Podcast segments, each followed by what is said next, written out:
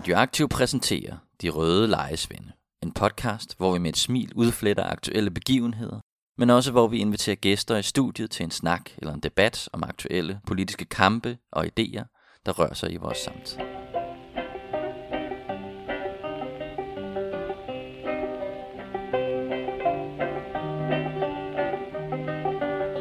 Goddag og øh, velkommen til De Røde Lejesvende. Vi øh, er kommet til vores andet episode her i øh, vores lille del af Radioaktiv podcasten. Optag dagen, det er den 12. marts, og det er spændende, hvad der sådan ligesom kommer til at ske fremover det næste stykke tid. Vi har et par po- øh, emner på programmet, men først så vil vi egentlig gerne øh, sende et lille shout-out til øh, vores øh, søsterkanal. Vores De- name buddies. Yes, fra Aalborg. De Røde Lejesvende. Ja, i kan jo nok genkende navnet. Vi får alle sammen meget gode idéer på venstrefløjen, og nogle gange så er det de samme. Og det er jo egentlig, lidt rart ved, at vi, øh, vi falder lidt i, i synk med hinanden på den måde. Men man kan lytte til de, øh, de Røde Lejesvende fra, øh, fra Aalborg. Dem kan man lytte på Folkets Radio. De har en hjemmeside, hvor man kan hoppe på, når de sender live. Det er simpelthen det er ikke podcast, det de laver. Det er simpelthen, hvor øh, man kan streame det på nettet, man kan høre det på sin radio. Lige præcis, ja. lige præcis. Øh, og det skal lige siges, det var noget, vi fandt ud af sidst jo, hvor de så skrev til os på Facebook, at øh, hey, har I stjålet vores koncept, eller hvad fanden sker der? Men det var så, øh, det var simpelthen noget, vi har fundet på separat fra hinanden. Ja, Øh, men, øh, men nu er vi name buddies, så det er fint. lige Og præcis. jeg kan jo ikke sige, at man øh, hvad hedder det, kan høre de røde live fra Aalborg på Folketsradio.dk om lørdagen mellem 14 og 15, og så bliver det genudsendt om mandagen mellem 16 og 17. Fedt. Og øh, vi er blevet enige med dem om, at øh, vi kan godt begge to hedde de røde lejesvinde. Ja, og hvis man, øh, hvis man gerne vil høre noget mere til os, så kan man jo, øh, det ved I sikkert i forvejen, finde os på Facebook, like vores side, følge med på SoundCloud. Vi findes lidt rundt omkring i, øh, i, dit, øh, i din podcast-apps, også på telefonen. Og det er vigtigt, at I husker at trykke follow på SoundCloud, eller hvor I nu finder os øh, på jeres smartphone, fordi at, øh, så får I direkte besked hver gang vi sender.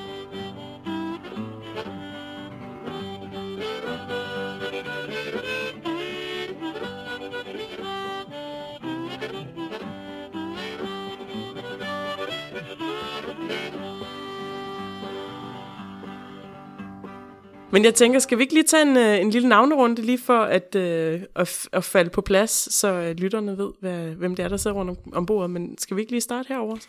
Ja, mit navn det er Janus Rønbak, og jeg er selvfølgelig med her i De, øh, de Røde Lejesvend. Jeg er også med øh, over en af vores øh, andre programmer på Radioaktiv, der hedder Vand under broen. Jeg er uddannet historiker og i filosofi, og øh, jeg er med i enhedslisten. Ja, og jeg hedder Jeppe Rode, og jeg er, øh, jeg er aktiv i Enhedslisten, og øh, laver også en forskel, øh, forskellige andre former for politik. Øh, blandt andet øh, er med til at lave magasinet Solidaritet, og også radioaktiv her.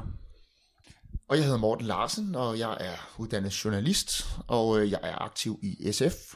Øh, og det er ude i Københavns Nordvestkvarter, hvor jeg sidder i bestyrelsen derude. Og så laver jeg også radio her, sammen med jer. Super. Jamen, som rosinen i pølseenden, som så vanligt, Anna Overlund, SF'er, øh, nyligt opstillet til landsledelsen. Det bliver lidt spændende, hvordan det falder ud øh, hos os. Øh, og Vi så... håber på det bedste. Og så, øh, så er jeg jo bibliotekar og offentligt ansat. Så jeg leder sidder sådan... Øh, Nå, så du sidder lidt på vippen lige nu. jeg sidder lidt på vippen og sidder og trykker, du ved, F5 på min, øh, på min, øh, på min tab, hvor, øh, hvor jeg kan se KL's hjemmeside. Det er ikke så tit, man gør det. øh, men de har faktisk øh, i dag kl. 17, den 12. marts, der har de øh, begyndt at sende øh, lockout-varslet ud. Det kræver lige en kop te, det der. Øhm, så jeg prøver lige at, at finde ud af, om, om hvad der skal ske der fra øh, ja, 10. april, er det jo i første omgang, at det er, det er varslet.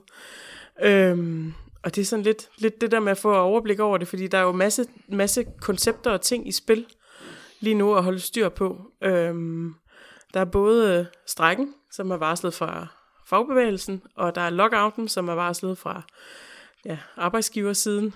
Ja, så sidder de faktisk og snakker med, med forlismanden i, i de her dage, for at høre, hvordan det skal gå. Altså, man kan jo se forskellige øh, hvad det hedder, former for, for aktion og akt- aktivitet, der dukker op. Den, den seneste, jeg så her i dag, det var, at der er dukket noget op, som hedder SNAS, mm-hmm. som er studerendes øh, sympatiorganisation. Det, det er i virkeligheden bare nogen, der har sat sig ned og tænkt, lige om lidt kommer der øh, et lockout eller en strække, og hvordan kan vi som studerende være med i det. Mm. Øhm, og der er man begyndt at, at samle, ja, samle og mobilisere folk. Øhm. Sådan noget der, tror jeg, er sindssygt vigtigt. Øh, så det er ikke kun det de offentlige ansatte, der står alene med den her kamp, men at man ligesom øh, breder kampen ud også til det private område og til alle mulige andre grupper i samfundet. Øh, at man viser, at man, at man støtter op om de offentlige ansattes kamp. Fordi at hvis, hvis alle folk står sammen, så bliver det rigtig, rigtig svært for regeringen i hvert fald. Ja, øh, og det er noget, der tyder på, at det bliver nødvendigt, fordi at, altså, jeg har oplevet det her sådan lidt aggressivt lige fra dag et, øh, inden at noget overhovedet var gået i gang, så øh, var Sofie Løde, innovationsministeren, ude og beskylde de offentlige ansatte for at være grådige, og øh, det har Michael Siler øh, så også været ude og beskylde dem for at være øh, så sent som i dag ja, vi skal spænde livremmen ind og, og, øh, og have lidt mere samfundssind. Øh, det blev jeg faktisk ret sur over, da jeg læste. Det, det synes jeg er ekstremt provokerende i, i, altså i forhold til, at man sådan har holdt igen og igen og igen de sidste mange år. Øh, samtidig med, at man ser direktørlændinger fare ud af, både i, i det offentlige og, specielt i det private. Ja. Altså, vi kan jo lige sige, at vi øh, håber selvfølgelig, at øh, regeringen får et øh, svinet nederlag. Det vil jo være fantastisk, både af hensyn til... Øh, Øh, Øh, alle de offentlige ansatte i Danmark, men øh, selvfølgelig også af hensyn til resten af samfundet. Det bliver stillet dem rigtig, rigtig ringe frem mod øh, folketingsvalg, øh, hvis det kommer til... Altså, jeg har faktisk svært ved at se, hvordan de skal komme ud af den her kattepine, de sidder lige nu, fordi enten så kan de give sig øh, og, øh, og komme frem til en aftale, som øh, forhandlerne kan, fra, fra de faglige organisationer kan acceptere, eller også så kan de, øh, eller også så kan de øh, køre den her lockout igennem og lave et regeringsindgreb til fordel for arbejdsgiversiden, øh, og så får de rigtig meget smæk til næste folketingsvalg. Så alt i alt synes jeg faktisk, det ser rigtig fedt ud, og det er fandme fedt at se, hvordan øh, fagbevægelsen har stået sammen den her gang. En anden ting, jeg synes, der er meget sjovt med, med Michael Sieler og også øh, de andre borgmester fra, fra KL, det er, at øh, de bliver ved med at sige, at, øh, at alt over 6,2% lønstigning over de næste øh, tre år vil, øh, vil betyde, at der skulle fyres rigtig meget i kommunen, i kommunerne. Øh, men det er jo sådan, at borgmesterne selv har fået en øh, lønstigning på over 30 procent her, øh, her for ganske nylig, og det er de også lidt svært ved at forklare rimeligheden i, når, når sygeplejersken og læreren og andre for alt i verden ikke må få en lønstigning på mere end øh, godt 2% om året. Men øh, man kan jo roligt sige, at øh, der sker mange ting øh, lige for tiden. En anden stor ting, vi lige skal have vendt, tænker jeg, det er øh, regeringens ghettoudspil, øh, som jo blev øh, fremlagt øh, faktisk kun få 100 meter fra, fra hvor vi sidder i, øh, i Mjølnerparken. Øh, Øh, og der er flere, flere punkter øh, i den, som, øh, som jeg personligt synes er, er skingerne vanvittige. øh, den ene, det er, øh, er den her idé om, øh, om dobbeltstraf. Øh, jeg så øh, inden fra Folketingssalen, hvor øh, at der blev stillet spørgsmål til den her ghettoplan, hvor øh, at Lykke så forsvarede sig med, jamen øh, det gælder jo for alle, som opholder sig i det her område hvilket er en øh, fuldstændig blind måde at forholde sig til det her på, fordi vi ved godt, hvem der er, der opholder sig i de her områder. Det kommer til at ramme en specifik gruppe af mennesker, som opholder sig i nogle specifikke områder, nemlig nogle socialt belastede områder. Men det er også altså, det er en meget sær form for kriminalisering. Altså, vi har jo i forvejen blandt andet bandeparagrafer, hvor at øh, hvis du skal dømme folk for, øh, for kriminalitet, der er banderelateret, jamen så får du altså, du, der bliver ikke givet ved dørene, og der bliver altså også øh, givet lidt ekstra, øh, hvis du øh, fra politiets side bruger bandeparagraf øh, tilføjelsen. Mm-hmm. Så det er, jo ikke, altså, det er jo ikke fordi, at vi ikke i forvejen har lovgivningsredskaber til at forholde sig til øh, organiseret kriminalitet, og det er jo, altså, det, det tror jeg, det er den eneste logiske grund, jeg kan se til, at man tænker, at dobbeltstraf er en ting, men altså knytte det til, at det skal være et geografisk område. Mm. Ja, øh, og problemet er jo, altså, hvis jeg skal prøve at sætte mig ind i, hvordan det vil være at bo i det her område. Nu bor jeg øh, tæt på det område, men jeg bor ikke i, i for eksempel øh, Mjølnerparken. Mm. Jeg, jeg vil føle mig rasende, at, at fordi jeg bor i et bestemt område, så skal jeg have dobbeltstraf. Det, altså det, det, det, det fornærmer jo noget, som, som øh, ikke er noget, jeg normalt tager imod, men noget, man hører fra Dansk Folkeparti. Det fornærmer simpelthen min, min retsforståelse af, hvad der er ret og rimeligt. Øh, og så kan man så sige, så vil øh, Lykke sige, åh ja, men øh, det, vi kan jo, så opretter vi måske i en anden ghetto nord for, for København, ikke? så tager vi ud i Hellerup. Det kommer ikke til at ske. Det er jo ikke sådan, at, at den her den kommer til at, at ramme folk, der laver økonomisk kriminalitet og sender penge til skattely ude i, i Hellerup. Det kommer til at ramme fattige mennesker, med anden etnisk baggrund, som regel, i socialt belastede boligområder. Og det kommer til at ramme rigtig skævt. Den gode gamle, er du en del af socialklasse 5, fordi du er muslim, eller er du... Øh, altså, det, Ja. der er sådan, det, det hænger bare ikke sammen, vel? Nej, Nej. Nej. altså, og det er jo så den del af det her ghettospil, som har været det mest debatterede jo. Og det er jo fordi, man kan opstille en masse syrede scenarier, lidt ligesom da det her maskeringsforbud kom, ikke? Øh, som regeringen har lidt svært ved at svare på og sådan noget. Og man kan også se, at de bliver lidt irriterede, når journalisterne stiller de her lidt øh, spøjse situationer op, ikke? Som jo så ikke er grebet uden blå luft helt jo vel. Men altså ud over den her øh, styrkede politiindsats, som er det, vi lige har siddet og snakket om, som er en af fem ting øh, i det her ghettoudspil, så er der også det, der hedder håndfast styring. Og det er noget med, øh, hvem der kan få lov til at lege en bolig i de her områder, så vidt jeg har forstået.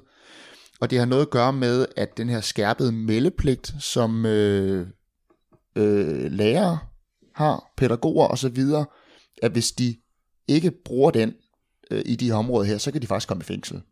Ja, altså det er en, det er en I, del i af helt det op børne... til et år. Ja. Det er en del af, altså de har der er sådan et helt børneområde i, øh, i ghettoudspillet. Og nogle af dem giver egentlig, altså nogle af forslagene giver egentlig fin mening i forhold til, at man sørger for, at man knytter børn mm. til, øh, til øh, vuggestueinstitutioner tidligt, og at man holder øje med deres sprogudvikling osv.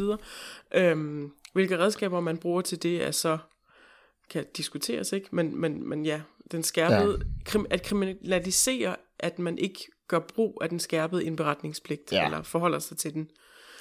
Og det er jo så også øh, et, et tredje øh, ben i det her, det er jo om, om børn og unge, netop det der med, at hvis du ikke taler et ordentligt dansk, er du i vuggestue og så videre, det giver jo for så vidt god mening. Så er der øh, sprogprøver ned i børnehaveklassen, øh, og så er der også øh, øget strafferamme for at sende sine børn på genopdragelsesrejse. Øh, så er der øh, Altså, en, det, en alle de der ting bliver jo sådan helt øh, vanvittige at skulle forsøge at opretholde. Altså, ja. Øh, både hvor- hvornår er det en genopdragelsesrejse, eller hvornår er det at besøge farmor i Tyrkiet. Altså, Ja, det lyder skide godt i avisoverskrifterne. Ja, Ja, altså ja. man kan sige, du skal måske Og- ikke øh, besøge din farmor tre måneder i Tyrkiet midt i skoleåret, altså, men det skulle du nok heller ikke i forvejen, kan man sige. Øh, der kommer også en der, følgegruppe. der, er bare, der er mange, der er mange, øh, der er mange i hvert fald øh, øh, underlige ting i at opsøge at opretholde det der. Øh, det samme er også, jeg, jeg tænker på, altså, i forhold til det at være, at være pædagog i den her øh, kontekst, altså med en lov indført, hvor du kan risikere op til et års fængsel for ikke at indberette øh, et, et mistrivsel hos et barn. Altså det, det kommer jo til at betyde, at i stedet for, at en pædagog måske øh, ser et barn øh, i den institution, pædagogen nu er i, som måske ikke har det så nemt, og prøver at hjælpe det her barn og give, den noget, give noget plads og sådan noget, så er, har pædagogen jo et voldsomt incitament til bare at melde det med det samme. Det, det, det giver simpelthen øh, pædagogen øh, færre midler til at prøve at Ja, ja og han, han en pædagog, altså pædagogisk arbejde med barnet, fordi Ja. det pædagogiske arbejde er jo dels noget, de gør i institutionen, men det er altså også noget med forældrekontakten og overlevering af barnet fra mm. de oplevelser, der er i, i, øh, i vuggestuen til øh, den måde, man, man øh, har omsorg for barnet i hjemmet. Ikke? Jamen, altså, vi kommer til at se pædagoger sådan tage kraftigt fat i alle børn og sige, har du det godt? Har du det godt? Okay, godt. Det barn har det godt. Næste barn. Har du det også godt? Godt. Okay. Vi får en generation af traumatiserede børn, der har været øh, virkelig spurgt efter, om de har det godt. Ja. Altså, jeg, jeg, øh, jeg er ikke så bange for det her scenarie her med, at man kan komme et år i fængsel. For det første, fordi at det er enormt svært at bevise, at nogen øh, sådan helt konsekvent har været ligeglade mm. med at, den her altså, skærpede indberetningspligt.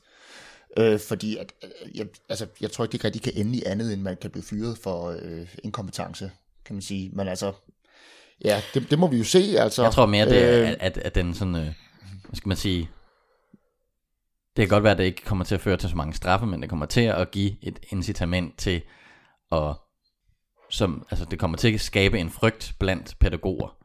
Jeg, jeg tror mere, at jeg er bange for relationen mellem hjemmet og institutionen. Mm-hmm. Altså, øhm, hvis man i forvejen er udsat social familie, så har du øh, på sin vis nogle øh, hvad det hedder, grader af mistillid til institutioner, til øh, samfunds øh, hvad det hedder, repræsentanter. Øh, fordi det netop er, altså du er bange for, at de kommer og tager dine børn. Øh, og jeg tror, at den relation vil blive mere anspændt, øh, og at øh, man vil have øh, mindre mulighed for at række ud imod forældre, øh, når der er noget galt.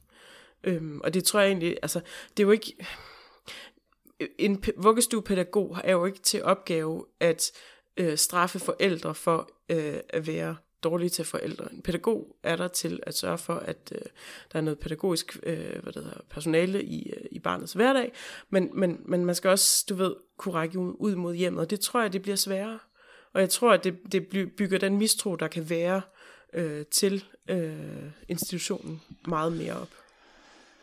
Jeg havde nogle øh, flere... Øh... Øh, ja, det var lige for at lige øh, tage fat i de sidste to sådan, hovedpunkter. Der er noget, der hedder en følgegruppe, som skal følge udviklingen og lave en plan. Øh, jeg ved ikke, hvor meget vi skal snakke om. Det lyder mest af alt som et skånejob, som man kan give sine venner, øh, hvis man sidder i regering. Øh, men der er også det, der hedder en, en øh, fysisk nedrivning, og det er mm. faktisk noget af det, der interesserer mig mest, fordi at her, der står der simpelthen sort på hvidt, at... Øh, at hvis man fjerner almene boliger og laver dem om til ejerlejligheder, så kan man simpelthen på den måde bekæmpe en ghetto. Altså, det, det, øh, og vi ved i forvejen, at den siddende regering er ret vilde efter at komme det der almene boligkrav til livs jo. De Jamen. finder det simpelthen uretfærdigt. Lidt ligesom topskat, faktisk. ikke, ikke alene, så, så kommer det her til at betyde øh, ingen løsning på ghettoproblemerne. altså hvis, altså, om, om det er fordi folk bor der i sociale boliger, eller om det er fordi de bor der, fordi, mens de ejer boligen, det kommer ikke til at ændre mm. den, den masse af folk, der bor der. Så kan man sige, Nå, så flytter vi nogle af dem ud og flytter nogle andre ind. Men hvor skal dem, der flytter ud, så flytte hen? Det er der ikke de nogen, der kom, er kommet med bud på. De kommer ikke til at have råd til at bo i København. Nej. De kommer ikke til at have bo, råd til at bo i nogle af de større byer. Problemet er jo, at pakken ikke øh, virker. Jeg synes egentlig, det er, det er rigtig fint og positivt, at, øh, at der er nogle politikere, der begynder at snakke om, at vi lever i et, øh, i et fuldstændig opdelt øh, klassesamfund. Mm. Men dels så, hvad hedder det, dels så fokuserer de kun på øh, de steder, hvor de ressourcesvage øh, mennesker bor, og aldrig på de steder, hvor de ressourcestærke bor. Man kunne lige så godt snakke om, at man skulle øh, nedrive palæer i øh, Gentofte for at bygge almindelige boliger derop. Ja, eller, eller, eller, eller flytte øh, folk fra Mølnerparken til Hellerup. Ja, de kigger kun på øh, de socialt udsatte boligområder, og dels så bruger de kun øh, pisken, og absolut ingen, øh, ingen guldråd. Altså, hvor fanden er, er den sociale indsats i det her? Det er jo ja. det, vi ved, øh, det, vi ved virker. Så altså, problemet er, at, øh, at de kommer ikke til at løse, de kommer ikke til at løse skid med, med de her problemer. Problemerne er på mange måder reelle nok, synes jeg. Mm. Det er med, at vi lever i en super blandet, øh, blandet by, og det er jo rigtig svært, øh, for eksempel som som flygtning at komme ind og, og, og klare sig super godt øh, og, og blive super velintegreret, hvis man bor i et område, hvor der er rigtig mange, der ikke taler dansk, og hvor der er rigtig, rigtig mange, der er arbejdsløse. Det er da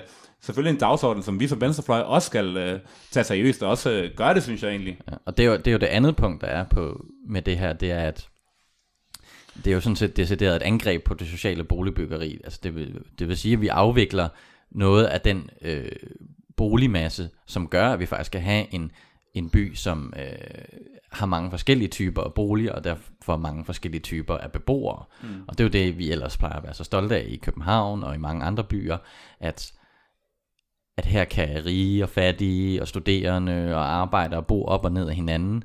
Men det her, det vil, det vil betyde, at man fortrænger de her mennesker til, til hvor. Det er der ikke nogen, der har noget bud på. Men man kommer i hvert fald til at fortrænge dem fra København og andre øh, indre dele af byerne. Så, så kan de bo på landet, og jeg ved ikke, hvor de vil have dem hen. Altså. Ja. Jamen, øh, med det i mente, så tænker jeg, Jeppe, hvad er ugens ildsjæl, eller månedens ildsjæl? Hvem er, hvem er det? Jamen, øh, jeg, øh, jeg tager ud hver måned og prøver at snakke med en, øh, med en ildsjæl, der bruger en stor del af sin øh, fritid øh, på, at, på at gøre verden bedre på den ene eller den anden måde. Øh, og denne gang har jeg været ude og snakke med en, øh, en sej øh, mursvend, der hedder Louis, uh, som, er, som er meget fagligt aktiv. Ja, mm. fedt. Og øh, jamen, hvordan med dig, Janus? Debathjørnet? Ja, i uh, vores uh, interview af Debathjørnet, der har jeg interviewet Tommy Mørk, som er... Øh, han har været nede i Rojava, eller det der nu hedder øh, Democratic Federation of Northern Syria. Øh, Rojava, det er kun et lille område af det, og nu er det, nu er det både kurder og araber, der ligesom samarbejder om at at skabe et øh, demokratisk, øh, federalt, socialistisk, feministisk samfund i Nordsyrien. Og øh, ja, jeg har interviewet ham om hans historie, hvordan kommer der ned, hvad skete der, når han var der, hvad skete der, han kom hjem igen. Men vi har også øh, behandlet, hvad er, det, hvad er det politiske projekt, der egentlig foregår dernede. Øh, hvad kan faldgrupperne være, hvad er det interessante ved det, osv. Spændende. Ja, og øh, det kommer til at være i to dele. Så første del, det bliver øh, i den her måned, og så næste del kommer næste måned.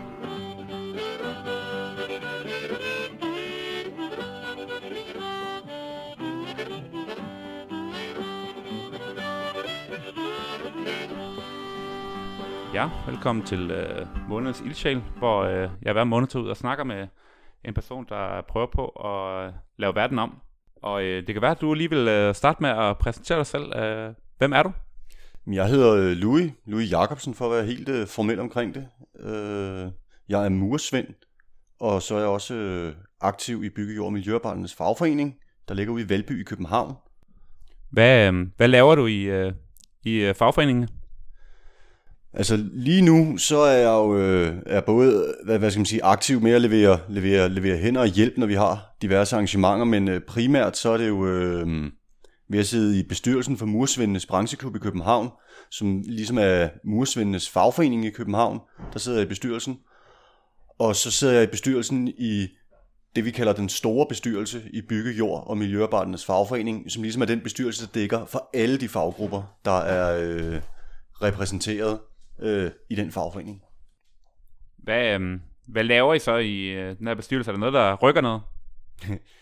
Jamen, vi, vi laver, vi laver meget, meget, meget forskelligt, kan man sige. Ikke? Altså, øhm, det, er jo, det er jo diskussioner af, af, af, den, af den daglige drift af vores, af vores forening. Det er øh, diskussioner om, hvordan vi skal forholde os øh, til, til hvad skal man sige, forskellige problemstillinger, der er...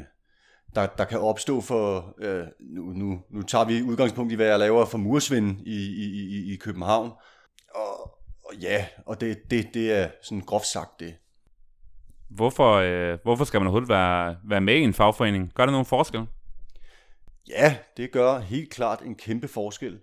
Altså man skal jo selvfølgelig være med, fordi at, at, at det er vigtigt, at man står organiseret sammen som, som arbejder og som arbejdstager i en forening, fordi man står stærkest med én stemme, når man, skal, når man ligesom skal have forhandlet løn og arbejdsforhold på plads.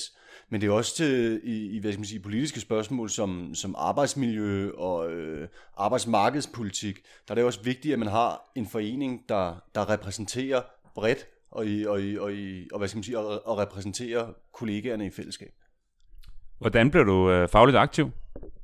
Ja, det er lidt, det, det, det kan man sige, det er, det er lidt en, en, en lang historie, kan man sige. Det er, hvad hedder det, øh, Altså, da jeg var, da jeg var barn, der arbejdede min, øh, min far, han arbejdede inde i huset i Magstræde, og, øh, og derigennem, der, havde, der var de meget hvad, hvad skal man sige, aktive i deres fagforening. Min far var meget aktiv i sin fagforening, Lager Handel, mener jeg, den hed, der, øh, der havde lokaler lige hernede i, øh, i Renshavsgade. Og øh, det var egentlig ikke, fordi han fortalte mig så forfærdeligt meget om det, men jeg var meget med til 1. maj arrangementer og andre ting, i, i sociale arrangementer i den forbindelse. Og, og den vej igennem fortalte han mig øh, altid, at man skulle, man, skulle, øh, man skulle være medlem af en fagforening øh, inden for det område, man arbejdede indenfor. Og det, øh, det var også en god idé at være aktiv, især hvis man havde ting, der ligesom nagede en ved ens arbejdsliv. Er der noget, der, der nærer dig eller dine kolleger som øh, murer? Der kan jo, der kan jo være, der kan være mange, mange forskellige ting. Altså det, øh, altså det, noget, man kan sige, der er ved, ved, ved, ved byggeriet, det er jo, at det er en, øh, det er en branche, der er, er, er meget, hvis ikke en af de brancher, der er mest udsat for konjunktursvingninger i samfundet. Altså når, øh, når, når, når, der, når det økonomisk øh, går knap så godt herhjemme, jamen, så er vi nogle af de første, der kan mærke det. Vi bliver øh, ret hurtigt sendt hjem fra arbejde og har lange arbejdsløshedsperioder. Så derigennem har vi jo en interesse i, i, i for eksempel et, et ordentligt og retfærdigt dagpengesystem. Men der er også øh, arbejdsmiljømæssige spørgsmål, som øh, i, i og med, at hvad skal man sige, fag- og ufaglært arbejde ret ofte også er, er, er, nogle, er nogle ret fysisk hårde, hårde stykker arbejde, man udfører, så øh, er, er, er det jo noget, vi bruger meget tid på. Nu fortæller du, at du er vokset op med, med nogle værdier om, at man skal være i, i fagforening og så videre, men, men hvordan blev du så aktiv? Gik du bare ned på, på kontoret og sagde, jeg vil gerne være aktiv, eller, eller, eller hvordan? Jamen, altså det var, øh, det er sådan, det er sådan, altså da, da, da, blev, da, da jeg ligesom havde aflagt min svendeprøve og blev færdig med den, så var jeg, var jeg ude at rejse i længere tid, og det er sådan en helt anden snak. Men da jeg så kom tilbage, så skulle jeg jo så ned og, øh, og melde mig ledig ind til, jeg havde et job. Og så den, på det tidspunkt, der, der, ja det gør man sådan set stadigvæk, så melder man sig nede på, på, på det dagpengekontor, der er tilknyttet ens fagforening. Og, øhm, og der fandt jeg så ud af, det, det skal lige siges, at i, i hele, hele den tid, jeg havde været lærling, havde jeg ikke passet min fagforening særlig godt. Øh, jeg havde ikke, jeg havde ikke været, været aktiv dernede. Jeg havde, som man kan sige, jeg havde også lidt, lidt dårlig samvittighed, øh, hvad det angår. Så da, da, da jeg var nede og, og ansøgte om dagpenge, så hørte jeg lige ved, hørte jeg samtidig med, hvad der var af, af aktiviteter og andet. Og så øh, var der blandt andet en, en, en faglig klub dernede, der hedder Murerklubben, som øh, indkaldte til møder, og så havde vi også generalforsamlinger og andet. Men, men den Murerklub der, da der kom en indkaldelse til det, så tog jeg faktisk øh, bare ned i, i, i, i den Murerklub og begyndte at komme til møderne, og så gik det ligesom slag i slag derfra. Laver I øh, nogensinde andet end at, at holde møder i fagforeningen? Jamen det er jo så det, der faktisk lidt, lidt var det hele vildt, fordi altså, man, skal ikke, man skal ikke blande øh, den, den, den bestyrelse sammen, som jeg sidder i, det hedder Mursvendes Brancheklub. Det er ligesom øh, foreningsbestyrelsen. Murklubben er, øh, er, mere et, et, et, et netværk af aktivistiske muresvinde. og, og lige da jeg kom hjem, så blev der faktisk... Øh, blev der kaldt, kaldt, øh, kaldt ind til stormøde, og det var faktisk den store fagforening, der kaldte ind til stormøde, øh, på grund af, øh, på grund af, af den østudvidelse, der havde været i, øh, i EU, og, og, og arbejdskraftens fri bevægelighed var sådan set, øh, hvad skal man sige, hele, hele, hele, hele, hele, hele den politiske øh, idé omkring det var blevet aktiveret, og nu begyndte arbejdskraften så faktisk, øh, jeg, jeg, jeg vil faktisk ikke sige, at den bevægede sig, den begyndte at blive bevæget rundt, fordi at, at, at fakta er, at langt de fleste på mit område inden for byggeriet ligesom blev, blev bevæget rundt af nogle arbejdsgivere. Så vi var indkaldt til et stormøde der, hvor at, øh, hvor man ligesom øh, råbte kollegaerne op og sagde, prøv at høre, det, øh, det her, øh, de, jeg ved, jeg kan ikke huske, om de direkte sagde, at de havde sovet i timen, men de sagde, det her har et langt større omfang, end, end, end vi egentlig selv havde troet, det ville have. Og så fortalte de om forskellige byggepladser, hvor, øh, hvor der blev arbejdet uden overenskomster, hvor arbejdsmiljøet var, var øh, mildst talt forfærdeligt, og lønningerne var, var noget, som, som, som, som ingen, der ville skulle leve og bo i Danmark, ville have en mulighed for at, at, at kunne arbejde og leve af. Så de kaldte ligesom til, øh, til aktivisme, og de, de annoncerede også, at der nok ville komme blokader af, af byggepladser fremover, og det var meget vigtigt, øh, de ville, det var meget vigtigt for vores forening, at, at vi begyndte at melde os som blokadevagter. Så det gjorde jeg. Jeg skrev faktisk, gik faktisk ind og skrev under på et stykke papir, hvor, hvor der stod, øh, eller ikke skrev under, men meldte mig på en liste, hvor jeg godt måtte blive tilkaldt, hvis man havde brug for vagter til, til, til blokader. Så I, øh, I render også nogle gange rundt og laver alle mulige øh, aktivistiske ting og sager? Ja, ja, det, det kan man sige, det, det, det, det er jo sådan set på flere, på, på, på flere, på flere områder gør vi. Altså man kan sige, der er, der er en ting, når der, når der har været de her blok, blokader og andet, men der har også, øh, altså, øh, en ting, som jeg er meget, meget, meget, meget glad for og, og stolt af, og også har været med til, det var, at jeg var med til at starte den organisation, der hedder... Øh, jeg skal lige sige, at det var, det var nogle andre, der tog initiativ til det, men jeg blev spurgt til, om jeg ville være med til at starte noget, der hedder øh, Ungdommen i Bygge, Jord og Miljøarbejdernes Fagforening, som skulle være et tværfagligt ungdoms, øh, ungdomsorganisation, som ligesom øh, kørte, kørte selv nede i, i, i fagforeningen, hvor det både var tømrer, gardner, murer, beton og tagpap, øh, alle, alle, alle, alle grupper, kan man sige, alle grupper, der var repræsenteret i fagforeningen, der kunne folk under 30 år, eller folk, der var i lære, komme ned og, og, og være, være aktiv her. Og der, der var jeg så med i den bestyrelse, der ligesom øh, grundlagde den. Og der, der var ideen med det også et, et, et, et meget, meget, meget højt aktivitetsniveau, øh, hvor, hvor man udover, øh, når der var blokader og andet, så også gik ud, vi, vi gjorde os på det tidspunkt meget i, øh, i bannerdrops i forskellige bannerdrops. Vi, vi, vi koncentrerer os meget om praktikpladsmanglen. Det kan man sige, det var jo ligesom et, et politisk issue, og det er det sådan set stadigvæk den dag i dag. Men manglen på lærepladser, hvor vi så øh, tog ud, altså hvor man tog ned, og så, så, så øh, lavede vi et banner med et slogan på, med, med, en, med et budskab, og, og, og så lavede man pressemeddelelser og det hele, og så gik vi ud og lavede de her bannerdrops. Det kunne være i forbindelse med en demonstration, der øh, måske øh, var, var taget initiativ til andet sted fra i nogle andre elevbevægelser, men det kunne også være, være på eget initiativ så tog vi ud og, og, og lavede, lavede de her bannerdrops, øh, hvad kan man sige, sådan meget, øh, meget harmløse, men, øh, men med en enorm stor signalværdi. Tænker du, at, øh, tænker du egentlig, at du gør en, en forskel i det, i det store billede med din aktivitet? Jamen altså man kan sige, altså på, på området med, med social dumping for eksempel, som vi kalder det, det, det, som, det som vi var indkaldt til møde om dengang i fagforeningen, der synes jeg, at vi har, har gjort en kæmpe forskel. Altså man skal huske, dengang, øh, og ja, nu får jeg det jo til at lyde som om det er mange år siden, det er jo ikke andet end 10-11 år siden, Øh, der når vi råbte op om det her, om de her kollegaer fra udlandet, der, øh, der blev groft underbetalt, som havde et arbejdsmiljø, der øh, til tider var dødeligt, Øhm, og der gav vi ikke, ikke kun os, men, men i, i fagbevægelsen, kan man sige, gav man den, det, her, det her fænomen, det kaldte man øh, social dumping, fordi man ligesom kunne sige, at i stedet for at tingene gik fremad, hvor at man fik lidt bedre arbejdsvilkår, lidt bedre løn måske, øh, så begyndte det faktisk at gå den stik modsatte vej. Og da vi begyndte at i talesætte det, der øh, vil man øh, fra et, fra et stort, stort politisk hold overhovedet ikke anerkende det. Det fandtes ikke. Det var, øh, det var også der var øh, nogle, nogle halvracistiske arbejder- og proletartyper, som ikke ville give plads til andre, og vi måtte jo forstå, at samfundet skulle køre rundt. Og det her, det var, øh, det var noget, vi fandt på, øh, bare for at have noget at brokke os over. Og det er jo ikke, altså, det er jo ikke virkeligheden i dag. Altså i dag, der, der anerkender man over et bredt spektre øh, social dumping.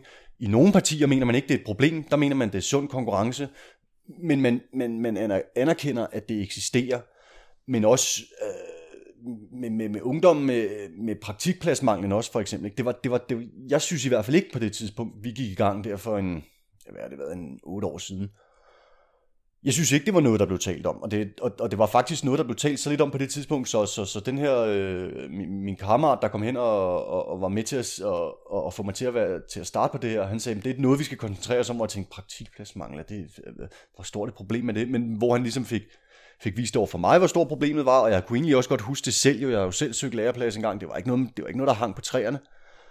Øhm, hvor man også dengang sådan ikke rigtig, man ville sgu ikke rigtig i tale sætte det. Altså arbejdsgiversiden øh, mente jo slet ikke, der var et problem. Det, øh, det, de, de, de, øh, de, de, de synes ikke, der var, var noget at tale om. Hvor man i dag også anerkender, at vi har et problem med praktikpladsmanglen, og man anerkender også, at vi har et problem med, at der ikke er nok, der søger øh, de uddannelser, øh, som man har inden for øh, industrien og byggeriet og landbrug og, og service. Øh, så på den måde, der synes jeg, det har rykket rigtig, rigtig meget. Øh, og, og der er der også, der er der også øh, altså, altså, altså, når det lidt bliver i talsat og, og, og bliver behandlet på, hvad skal man sige, på, på politisk plan, så, så mener jeg, at det nytter noget. Altså, altså mange af de aftaler, vi har, der, er, der er kommet på plads på den øh, københavnske Metro City Ring her, altså et, et byggeprojekt, som virkelig har kørt på en måde, som man ikke har nogen grund til at være stolt af. Men altså, det, er, det er jo blevet taget op der øh, i Københavns Kommune i dag, der har man simpelthen op, oprettet et, øh, en, et taskforce, tror jeg, de kalder det. Et, et, et, et hold af medarbejdere, som du kan ringe til og oplyse om, hvis der på nogen af kommunens opgaver bliver, bliver udført arbejde på social dumpingvilkår. Øh, det synes jeg da er, er, er, er, er ting i den rigtige retning. Ikke, ikke sagt, at jeg synes, at, at problemet er løst, og det, og det hele bare er, som det skal være. Men jeg synes, hen over de 10 år, jeg har været, været, været aktiv, der, der har vi skulle fået rykket nogle ting øh, og også, også i den rigtige retning. Øh, her, øh, nu her, mens vi sidder og optager det her, så ser det ud til, at øh, der er en konflikt på vej inden for det offentlige område. Nu arbejder du godt nok inden for øh, det private, men, men hvad tænker du øh, om, øh, om, øh, om den konflikt, der er under opsejling her? Men altså, det, det, der, det der først og fremmest, tror jeg, beskimmer mig mest ved den, det er den måde, at man ser ud til endnu en gang helt køligt og kalkuleret bruger den forhånd, man har, ved at det er stort set de samme mennesker, der kan sidde og kalde en lockout, altså hvor man sender folk hjem. Det er stort set de samme mennesker, der kan gå ind og lave et regeringsindgreb. Al, al, al, altså det der med, at man påstår, at nu mødes vi og forhandler, men at man egentlig vil er hammerne ligeglad med, hvad øh, arbejdstagerparten kommer med af, af, af krav, fordi man har tænkt sig at føre sine ting igennem med den magt, man har, som er langt, altså i, i, min, i, min, i mine øjne, er den, er den, er den langt ud over, ud over, hvad der er ret og rimeligt i, i et forhandlingsforløb, når den ene part både kan lock-oute og føre et regeringsindgreb. Altså man vil jo, man vil jo aldrig acceptere det øh, den anden vej rundt. Det, det vil man jo ikke, det, det, det, det, er jo ikke, det er ikke rimeligt. Så synes jeg også, jeg synes også, man har været, jeg synes, man har været urimelig til at erkende, at der er nogle ting, som man tidligere har tvunget igennem, på samme forhandlingsmåde. Øh, jeg, jeg tænker navnlig på lærernes arbejdstid, øh, at man ikke vil erkende, at, at det nok ikke fungerer. At, at, at man ikke at man ikke har, har øh, at man, man, har, man har simpelthen taget fejl, man har stillet et krav, man har tvunget det igennem, og det lader ikke til at fungere. Det vil man ikke erkende. Man vil ikke sige, okay, men lad os prøve at se på noget andet. jeg, øh, jeg er også, jeg, jeg forstår ikke øh, det, med, det med lønfesten, Øh, at man snakker om, at der, har, at, at der er en lønfest i det, i, det, i det offentlige, som skal stoppes. Altså, jeg, jeg synes, man underkender fuldstændig øh, den, den værdi, som man, man, øh, som, som man på det offentlige område skaber, ved for eksempel, når jeg falder og slår mig på mit arbejde, så lapper man mig hurtigt og godt sammen og sender mig ud på arbejdet igen. At, at, at der står øh, gode, søde og rare øh, pædagoger klar og passer på, mine, passer på mine børn hver dag. Altså, de, de, de mennesker her frigør nogle andre hænder, for vi kan gå ud og skabe et overskud. Derved så skaber de jo, er de jo også med at skabe et overskud. At man ikke bare har den mindste erkendelse af, at det overskud som der jo er ved at blive oparbejdet i samfundet lige nu. Det går jo, øh, i hvert fald hvis man, hvis man spørger øh, dansk erhvervsliv, ret godt. Der bliver tjent mange penge. At man ikke anerkender, at de her mennesker selvfølgelig vil have en andel i det overskud. Det, øh, det synes jeg er beskæmmende. Helt sikkert. Det lyder sgu som om, at der er, øh, der er masser af muligheder for at gøre en forskel i fagbevægelsen, og, og at du også øh, laver et godt stykke arbejde. Øh, tak fordi jeg måtte øh, møde dig, og fortsat god kamp. Tusind tak selv, tak.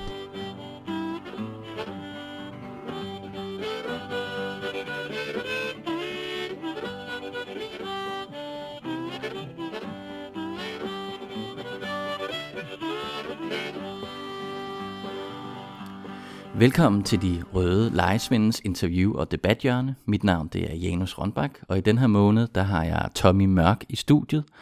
Han har været i Syrien og kæmpe med YPG i et halvt år. Og øh, vi skal snakke lidt om, hvorfor han øh, tog der ned, hvad, projektet, hvad ved projektet, der tiltrak ham, øh, hvad, der, hvad er situationen dernede, øh, både det at være dernede, men også hvad er den geopolitiske situation, Øh, og hvad skete der så, da han øh, kom hjem? Så vil jeg gerne øh, byde velkommen til dig, Tommy Mørk. Mm, tak. Jeg har jo mange spørgsmål på programmet. Øh, det første, jeg gerne vil vide, det var, øh, hvad fik dig til at, at tage dig ned i det hele taget? Hvilke overvejelser gjorde du der? Jeg har længe interesseret mig for, for øh, politik øh, generelt, øh, især øh, den, den brede definition af politik, øh, det vil sige samfundsforhold og samfundsudvikling, øh, har beskæftiget mig meget med det her hjemme, øh, blandt andet som, som øh, leder af Alternativet i, i Østjylland. Og øh, der findes jo mange gode øh, ideologier rundt omkring, gode idéer og gode, øh, gode meninger. Men det, det, som tiltrak mig ved det her, det var, at øh, her var der et projekt, som jeg sådan rent ideologisk og værdimæssigt kunne støtte, men jeg kunne også se, at de folk, der var øh, involveret i det, de mente det. Så de var gået i gang helt konkret med at tage fat i alt det, der skulle tages fat i, for at skabe samfundet, som, som de ønskede det. Det var ikke bare snak om møder og, og floskler og, og gode idéer, det var handling bag ordene.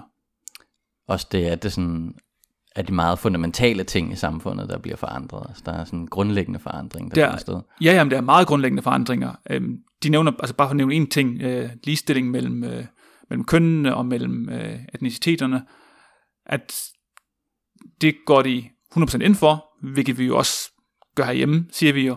Men dernæst tager de, så, så har de for eksempel delt lederskab på, på stort set alle niveauer. Hmm. Øhm, med mænd og kvinder, men også sørge for, at man får en fordeling af de etniske, etniske grupper, der er de store etniske grupper. Øhm, så for det som at, at jeg øh, har eksempler på, på, hvad man reelt gør. Har, er der sådan nogle personlige overvejelser, som tænker, det, det er et meget stort skridt at, at vælge at tage dernede? Ja, der er rigtig, rigtig mange overvejelser. Øhm, altså selvfølgelig mange, det er jo det er svært at finde ud af, hvordan man skal gribe øh, det an, at, at komme ned.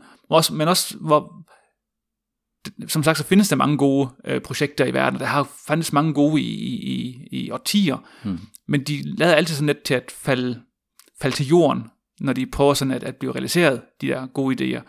Øh, man så det i, på, på Cuba, dengang det var der, man så det i Nicaragua, der var opstand eller oprør der, øh, man har set det hele det arabiske forår, at når man, at dem, som har de gode idéer, når de så endelig vinder konflikten og får mulighed for, for at realisere dem, så som om der sker noget, der går noget et eller andet galt. Øhm, og, øh, og det skal man selvfølgelig, jeg skulle selvfølgelig sikre mig, at så godt som muligt, man kan aldrig på helt sikkert, men, men sikre mig så godt som muligt, at jeg ikke støttede sådan et projekt. For det var jeg jo ikke interesseret i. Jeg ville jo interesseret i at støtte et projekt, som havde en reel forandring for minimand, for, for borgerne i, i det område, jeg, jeg tog til. Hmm. Hvilket jeg jo tog til for at støtte civilt i første omgang. Ja.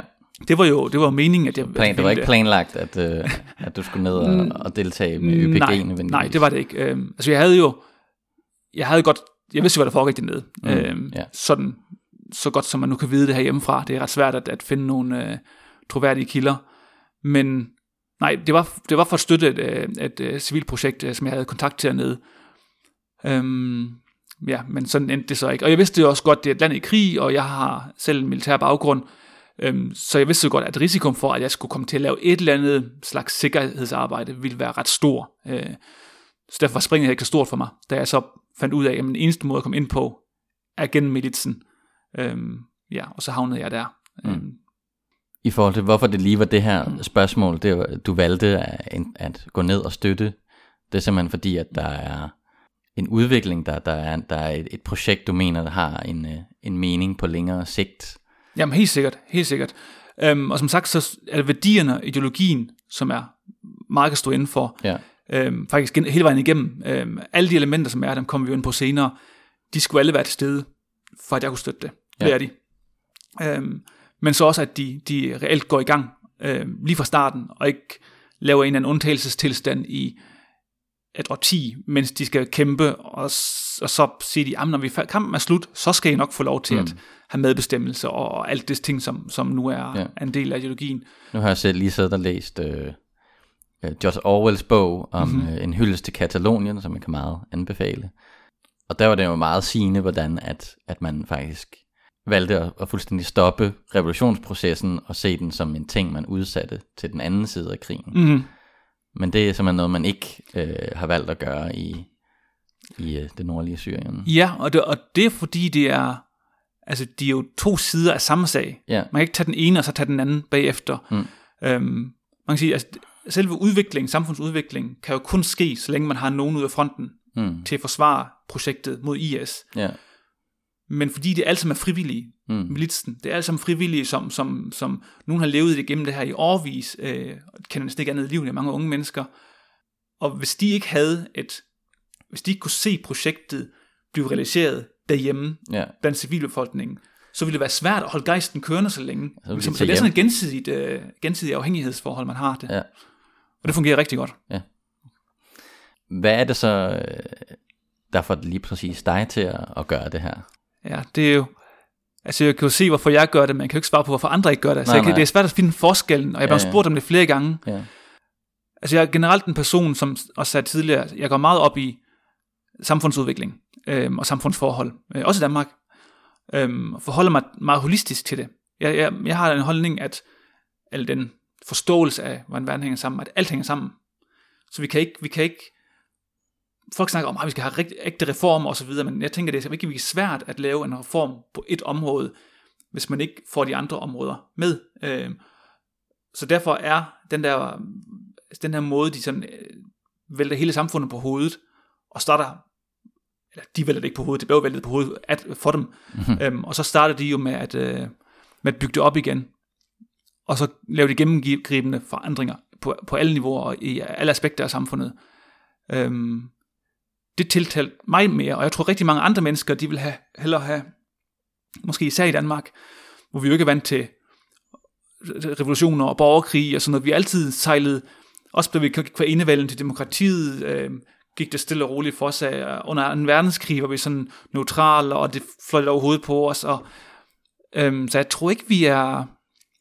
Jeg tror ikke helt, vi er villige. Selv dem, der er mest reformvenlige øh, og, og yderliggående på den måde, vi er jo ikke i nærheden af, hvad der findes rundt omkring i verden. Øh, meget, meget traditionelle, meget, meget øh, ja, øh, vane, vanemennesker. Øh, så vi vil godt have reformer, så længe de ikke påvirker os. Mm. Og det er lidt en svær, svært, svært dilemma at komme ud af, fordi hvis man laver reformer, som ikke rigtig påvirker nogen danskere, så er det jo ikke en, en, en forandring. Det er svært at ændre samfundet, uden at det skal påvirke nogen af os. Øh, ja, og det, der har jeg ikke nogen skrubler. Der har jeg ikke nogen... Øh, altså jeg, vel, jeg er stor tilhænger af forandring og, og udvikling. Øh, så jeg, jeg, er ikke, øh, jeg er ikke så traditionelt bundet i, jeg ikke i ideologier. Øh, for mig er det mere værdierne, der tæller. At, og det er klart, hvis man har en ideologi, så er de jo tit ret afgrænsende. De, er ret, de begrænser os hver især, og splitter os, fordi man kan ikke, det, er svært at, det er svært at ændre en ideologi. Nogle ideologier er jo, eller mange af dem, de er jo 50 eller 100 år gamle. Så lige om vi kigger på socialistiske og kommunistiske idéer, eller om vi kigger på meget liberale, eller meget konservative øh, ideologier, de er altså meget gamle, og man kan ikke rigtig, det er meget, meget svært at ændre dem. Det, det er et stort skib, der skal ændre kurs, og det er meget, meget svært. Det er svært at træde udenfor, for så er man jo ikke ægte. Altså vi bruger også til at begrænse hinanden med, at jamen, jeg så det også meget, da jeg var afsted, jamen så er det kommunister, ja, men så er det jo forskel på, om du er leninist eller om du er marxist. Og vi har jo en halv procent øh, ikke til fælles, og dem vælger vi at fokusere på, i stedet for at fokusere på resten, vi har til fælles. Og der er jeg meget mindre bundet af, af, af sådan nogle ting. Så jeg tror, det er en af ting, som gjorde, at jeg sådan rent øh, mentalt var klar på at tage afsted. Ja. At jeg så gjorde det, det er så også mange andre sammenhæng, øh, eller mange andre forhold, der gjorde sig gældende der. Øhm, som sagt, så var jeg meget involveret i Alternativet. Blev meget frustreret af det. Det var sindssygt meget snak. God snak med gode mennesker, men der skete ikke noget. Mm. Øhm, og jeg havde, var bare på et sted i mit liv, hvor der alligevel skulle være en slags opbrud. Jeg stoppede lige inden med at være, med at være øh, tilknyttet til Alternativet der. Øhm, så der skete alligevel et opbrud. Og det er ikke fordi jeg tænkte, så kan jeg lige så godt tage til Syrien. Men, men der var et naturligt opbrud i mit, i mit liv, og en naturlig udvikling i min øh, ja, personlig udvikling øh, og politisk udvikling. Så det, og så har jeg ikke nogen, ikke nogen familie, jeg har ikke nogen børn, øh, udover det, så det var meget, meget få ting. Jeg har ikke noget hus, jeg skal betale. altså jeg kan godt forstå, at nogle mennesker bliver, bliver bange, mm, øh, eller yeah. nervøse, og måske endda har, har, er nervøse for at deltage i ting herhjemme, fordi man skal også passe lidt på, for hvis man træder lidt ved siden af, så bliver man som, man skal ikke træde meget ved siden af i Danmark, så bliver man sådan lidt stemplet som, som ja, yderligt gående. Og det kan altså koste på, på, på mange områder. Ja. Øhm, så jeg kan godt forstå, at, ja, at vi, holder, vi holder hinanden i skak. Og så længe vi gør det, så om man nogen træder ved siden af, så er resten ligesom over den. Og, og det kan være svært for mennesker at, at tage den på sig. Øhm, og det kommer vi også ind på senere, hvor det har haft konsekvenser for mig. Øhm, men, ja. men det er jo det er en del af det, og det må man tage med. Ja, det er interessant det du siger med, med hvad skal man sige, sektarisme, at man ligesom fokuserer meget på sin ideologi. Øh, det, det virker også som om, ud fra hvad jeg, jeg har undersøgt øh, eller læst omkring, øh, hvad der sker dernede i Nordsyrien, at man er, man er meget fokuseret på den her, øh, og det kommer vi ind på senere, den her demokratiske konf- konfederalisme, som er, at, altså, at, at der også er en vis frihed inden for de forskellige grupper til at, at gøre, hvad de vil inden for den gruppe. Men det kommer vi mere ind på. Øhm, lad os lige øh, skifte lidt gear og komme øh, til historien. Hvordan kom du derned? Hvornår tog du afsted? Øh, dato? Og så videre. Ja, og det er lidt et eventyr i sig selv, at skulle finde ud af, at den proces har, ja, har været et eventyr i sig selv. Det tog måneder, før jeg reelt var på vej. Mm. Øhm, og øh, nu er en tid, inden jeg var, reelt var på vej til Syrien, der var jeg i Irak, øh, men jeg var først forbi, grænsen er jo lukket. Der er lukket der grænsen til Tyrkiet, der kommer man ikke igennem. Der er grænsen til IS, der er ret dumt at prøve at komme der igennem. Og så er der grænse fra, en lille grænse fra Irak, den kurdiske del i Irak, til den kurdiske del i Syrien. Men den blev også lukket mm-hmm. af den af irakiske præsident for selvstyreområdet, eller for det autonome område i Irak. Um, så der var ingen mulighed for at komme ind. Um, og det gik jo op for mig hen ad vejen, at det var ikke så nemt, som jeg, jeg ved ikke, hvad jeg havde forestillet mig, men det var meget sværere, end jeg havde forestillet mig. Mm-hmm. Så jeg var faktisk i første omgang for ligesom at få hjælp af nogen, og jeg havde ikke nogen kontakter, jeg kender ikke nogen kurder, inden jeg tog afsted overhovedet. Jeg har ikke noget, nogen, noget forhold til, til kurdisk kultur eller kurdiske folk, øh, udover at selvfølgelig den der sådan lidt en solidaritetsfølelse omkring at være et undertrykt folk, øh, uden at have ja, øh, identitet. Men udover det, så havde jeg ikke noget, noget tæt forhold til det. Så jeg, kan, jeg kan jo ikke nogen, jeg kunne spørge heller, inden for, for øh, bevægelsen. Men så søgte jeg på nettet og faldt faktisk på Facebook over en, en, sådan en rockergruppe fra, fra Tyskland, ned i Tyskland, som en er... rockergruppe? En, en, og det, det, er de rigt, det er ikke motorcyklister, vi snakker om. Det er den anden type rockergrupper, okay. som består hovedsageligt af, af, af kurder. Øhm, og så kontaktede jeg dem og spurgte, kan I pege mig i en rigtig retning? Så sagde de, jamen du kommer bare herned og snakker med os, så, øh, så hjælper vi dig på vej, og vi har kontakter, og så støtter vi også noget lidt økonomisk, for at du kan komme afsted. Okay, det var da lidt spøjst. Øh, men så var jeg afsted og snakkede med dem så, og det var, ja, der hvor man så, man så møder på en eller anden café, hvor de nok kender ejeren, har nogle forhold, og så man skal aflevere et pas, som de fotograferer, og man skal lægge sin mobiltelefon i bilen, og sådan noget. Ja, den slags øh, rockergrupper. Mm-hmm. Øhm, specielle mennesker, flinke mennesker dog, godt møde, øh, og de vil gerne øh, hjælpe mig på vej. Men så var det nok mere snak, end hvad de egentlig reelt fik gjort, og det tog, ja, det tog mig i hvert fald lang tid. Øhm, og de blev sådan lidt dårlige til at vende tilbage, og sådan, øh, ja. Så jeg besluttede mig bare for at sige, at nu tager jeg bare afsted. Mm. Øhm, så det gjorde jeg. Og det var så den, den 22. august, tror jeg. Sidste år. 16. Ja. For år. 16. Ja, ja, det er præcis. Ja. Øhm, ja. Og så fløj jeg bare til Irak. Øh, den kurdiske del i Irak. Og så var jeg en uges tid i Erbil, som er hovedstaden i det, i det, i det kurdiske område. Prøvede at få kontakt til nogen, og fik svært. Så fik jeg kontakt til en uh, øh, NGO i uh, Dohuk, som ligger helt op nordpå, tæt på den tyrkiske grænse. Og spurgte, om de kunne bruge min hjælp, nu hvor jeg kommer så langt. Og bare ventede og, og undersøgte ting, så kunne de godt hjælpe til, nu jeg var der. Øhm, og det ville de måske gerne, og jeg skulle skrive en ansøgning, og det ene eller andet tog igen langt, træk igen ud. Øh, tænkte jeg, nu, tager jeg, nu kører jeg bare til Dohuk. Så er jeg i hvert fald op. Jeg skulle jo ikke noget i Erbil. Øh, så var jeg deroppe, og så fik jeg desværre at vide, at, at det jeg kunne tilbyde, det havde de ikke brug for.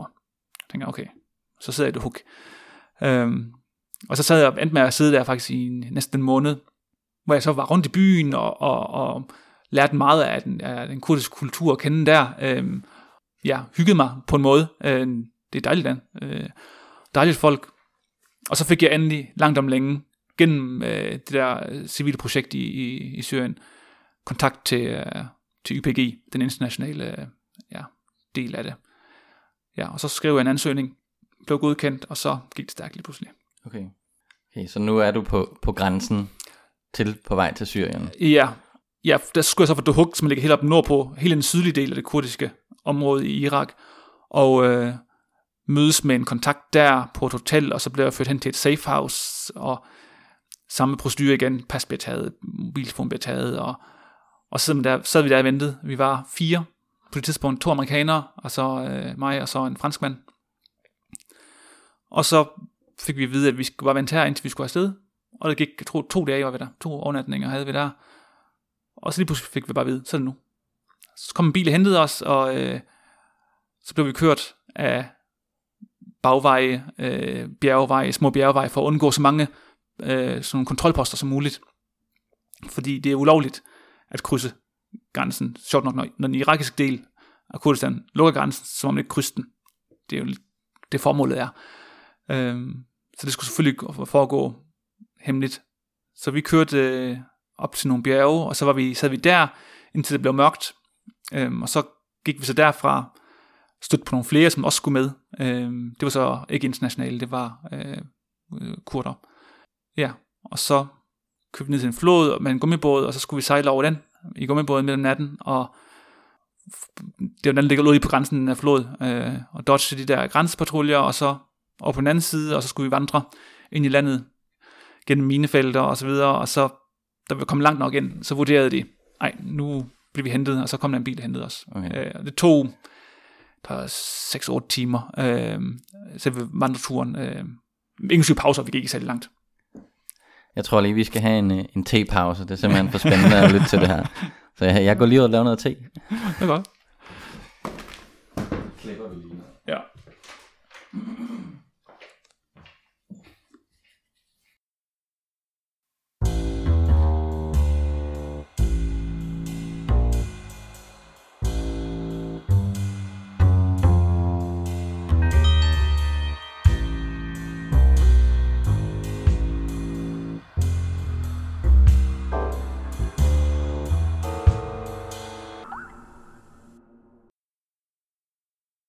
Ja, så har jeg lige øh, noget te med her.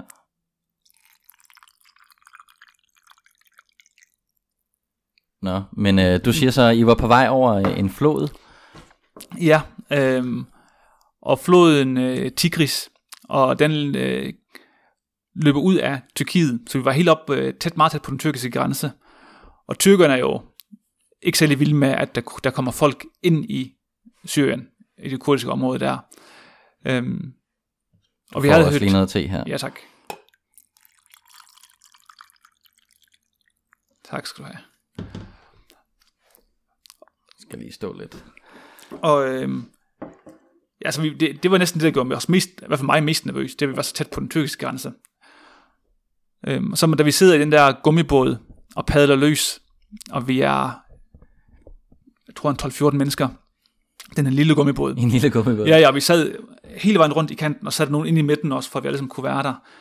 Øhm, der var ikke meget plads.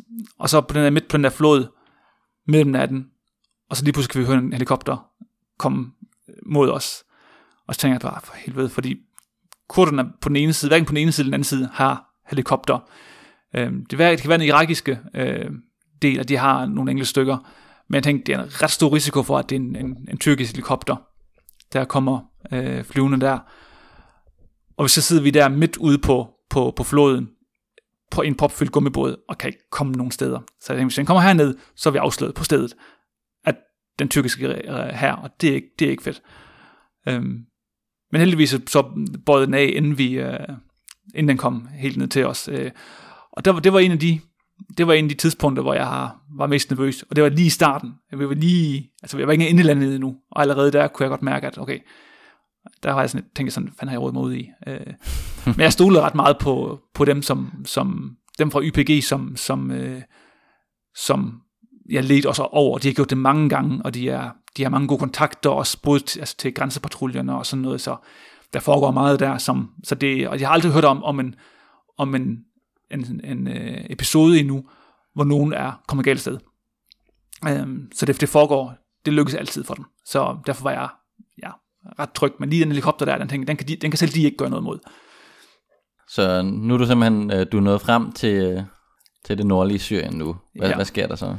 Øhm, først blev vi hentet af en, en bil der om natten, og så kører vi resten af vejen op til en, øh, en militærbase, som er ligger op på sådan en, en, en øh, ikke et bjerg, men sådan en klippe, ret højt øh, i området. Den ligger ret strategisk godt. Og der ankommer vi så klokken 2 om natten, sådan, og så næste morgen, så kører vi så ned til akademiet, som de kalder det, Mhm. som er et, øh, sådan et sted, hvor, hvor internationale bliver trænet. Og øh, alle internationale frivillige, som kommer derned, de kommer igennem akademiet, og alle internationale frivillige, som skal ud igen, de kommer også igennem akademiet. Det er også sådan en hop, hvor, hvor, ja, hvor det sker. Ja, så der bliver vi så kørt hen, og så venter vi så der i, i en uges tid, øh, tror jeg, hvor det hold, som, som er i gang med at blive trænet, de skal lige blive færdige med deres sidste undervisning. Vi skal lige vente på, at de sidste folk, som skal være med på vores hold, de kommer. Øhm, og så går vi i gang med, med vores træning, som er cirka en måned. Vi har cirka et hold om måneden. Øh, ja. Og vi var syv mennesker. Så det er ikke, det er ikke akademi lyder så fint, øh, men det er nogle gamle øh, kontorbygninger fra et, ja, sådan et olieselskab, som ligger midt ude i ørkenen, så det er ikke, der er ikke noget fancy der. Der er et køkken, og der er toiletter, og der er nogle værelser, man kan sove på, og det er sådan det der. Nu laver jeg lige et, et lille spring igen, Mhm. mm-hmm. øhm, før vi går videre i historien. Fordi jeg vil godt vide lidt om, øh, hvilken, øh, hvad er det for en ideologi, eller hvad er det for en tankesæt, der ligesom gennemstrømmer det her projekt i, i Nordsyrien. Mm. Øhm, der har jeg læst lidt i øh, en bog, der er udgivet her i Danmark af Rojava-komiteen, øh, der hedder Demokratisk Konføderalisme af Abdullah Öcalan, som er ham her, der har været fængslet, mm. øh, som ligesom er, hvad skal man sige, en slags hovedperson eller leder af øh, den her bevægelse. Øh, kan du komme lidt ind på, hvad, hvad er de grundlæggende idéer? Altså, selve udtrykket demokratisk konfederalisme, det kommer fra øh, en amerikansk anarkist, som hedder Bookchin. Murray Mur- Bookchin. Murray Bookchin, Ja, det er præcis. ja. Det er ham, der har, har ja, øh, er oprindelse til, til det, øh, det udtryk. Også mange af de idéer, som, som, øh, som Østland har øh, skrevet om i sin bog, de kommer derfra. Han er blevet inspireret rigtig meget af, men også fra mange andre. Han, er, mm. han har haft masser af tid til at læse i fængslet, Ja. så han blev klogere.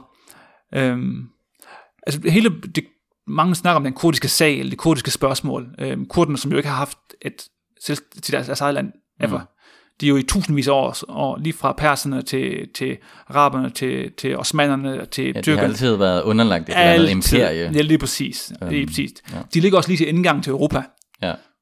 Så der, deres, deres, deres område også altid blev løbet over ende af, også når hunderne kom, og mongolerne kom, og alt muligt. Så, så, så ja, så det, det er et, et, det er et gammelt spørgsmål. Øhm, og, og der Østland, øhm, han, han, han danner jo PKK, øhm, partiet, øh, Arbejderpartiet i, i, øh, i Tyrkiet, for ligesom at, at sætte, sætte, sætte øh, få noget fokus på, på kurdernes øh, ja, undertrykkelse i, øh, i Tyrkiet.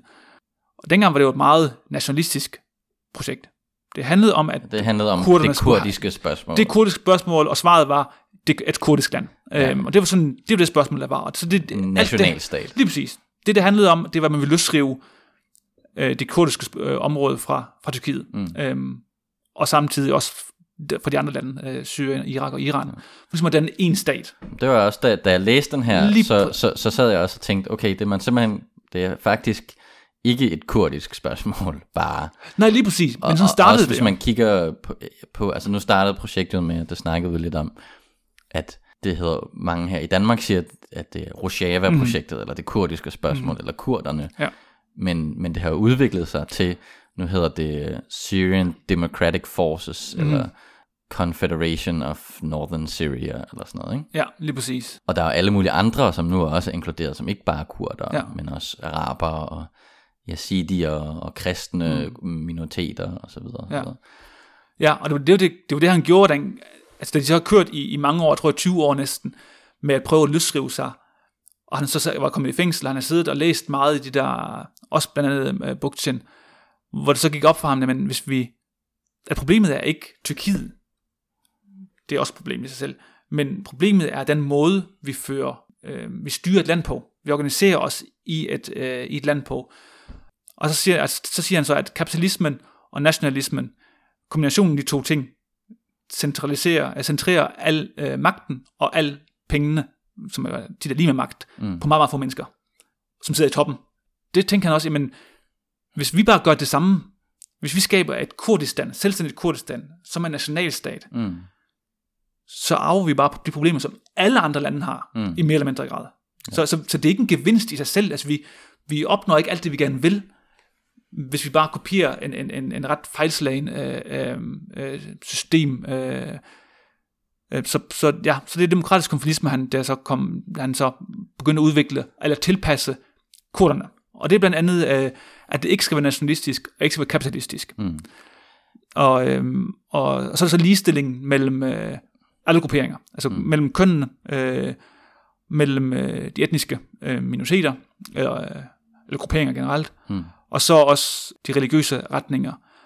Selvom selve projektet faktisk er, det er ikke religiøst, det er sekulært, Sekulært. ja, det er et sekulært ja. projekt, øh, så religionen er selvfølgelig, betyder meget for mange mennesker dernede, men det er ikke noget, der skal med ind i, øh, i skal man sige, regeringsarbejde eller det offentlige arbejde. Ja. Noget, der slog mig meget, da jeg læste den her, det var også, at altså både det her, det sekulære og det, hvad skal man sige, mangfoldige, mm. at, at man kan inden for det system, han ligesom formulerer, så altså det giver rigtig god mening, tænker jeg også historisk, det kan du måske komme lidt ind på, fordi Kurdistan er, er jo, øh, har ikke været et land øh, nærmest nogensinde, ikke?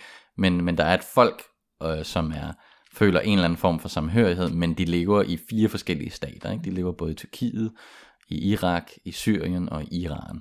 Så, så den her tanke om at få alle de her meget forskellige folk ind under den samme paraply, den er meget svær, altså under den samme nationalstat, om, om man skal øh, bekæmpe andre nationalstater for at få det her territorie. Så sådan som jeg forstår det, så er tanken snarere at sige, jamen øh, det handler ikke så meget om nationalstatsgrænser og sådan noget, det handler om øh, en, f- en form for selvstændighed for de her lokalsamfund, og det er en, en tanke, som også kan bruges for alle de andre minoriteter, der er i Mellemøsten, og for de stater, der findes i forvejen, osv. osv. Så der er, også, der er også en historisk basis for, at det netop er, er kurderne, mm-hmm. der er begyndt på det her. Helt sikkert. Og det er nemlig basis for det i deres kultur, og det ser man også, når man er dernede, Mm. at, at rent kulturelt, der, der er det øh, meget oplagt, at det er dem, der tager det, tager det på sig. Mm. Men nationalstatstanken har været utrolig stærk blandt kurderne, og det er den stadigvæk. Der er, nogen, ja. der er mange nationalister blandt kurderne, som ikke er, er tilhænger af demokratisk konfederalisme. Dengang øh, øh, Østland kom med, med, altså han ændrede mening, eller blev klogere, og, og dermed ændrede spor, der var det mange, der var imod dem. Altså hele, hele bevægelsen PKK øh, var, jeg vil ikke sige, at den på for færre hinanden, men, men der var nogle splittelse der omkring det. Der var rigtig mange, der havde virkelig svært ved at, ved at fordøje, hvad, han, hvad, hvad det var, han nu sagde. Mm. Øh, fordi det har jo, hvad drømmen har jo altid været, vi skal bare have vores egen stat, så bliver alt godt. Men det er også interessant i forhold til, til hvis man ser situationen i, i Nordsyrien. Hvis, hvis man udelukkende havde holdt sig til de kurdiske Mhm. områder, mm. og bare stoppet der og forsvaret det, så havde det jo været et meget lille område, man havde stået endnu svagere. Ja, og det er også, Men det er også ved at man faktisk optager de her mm. nye grupper, jamen så, så er projektet pludselig blevet meget større. Ja, og det er, også en, det er jo også en, øh, øh, det har også været et splittet område. Mm. For Afrin har jo været splittet, eller været separeret fra de andre to øh, Mm, ja. kantoner, øh, regioner.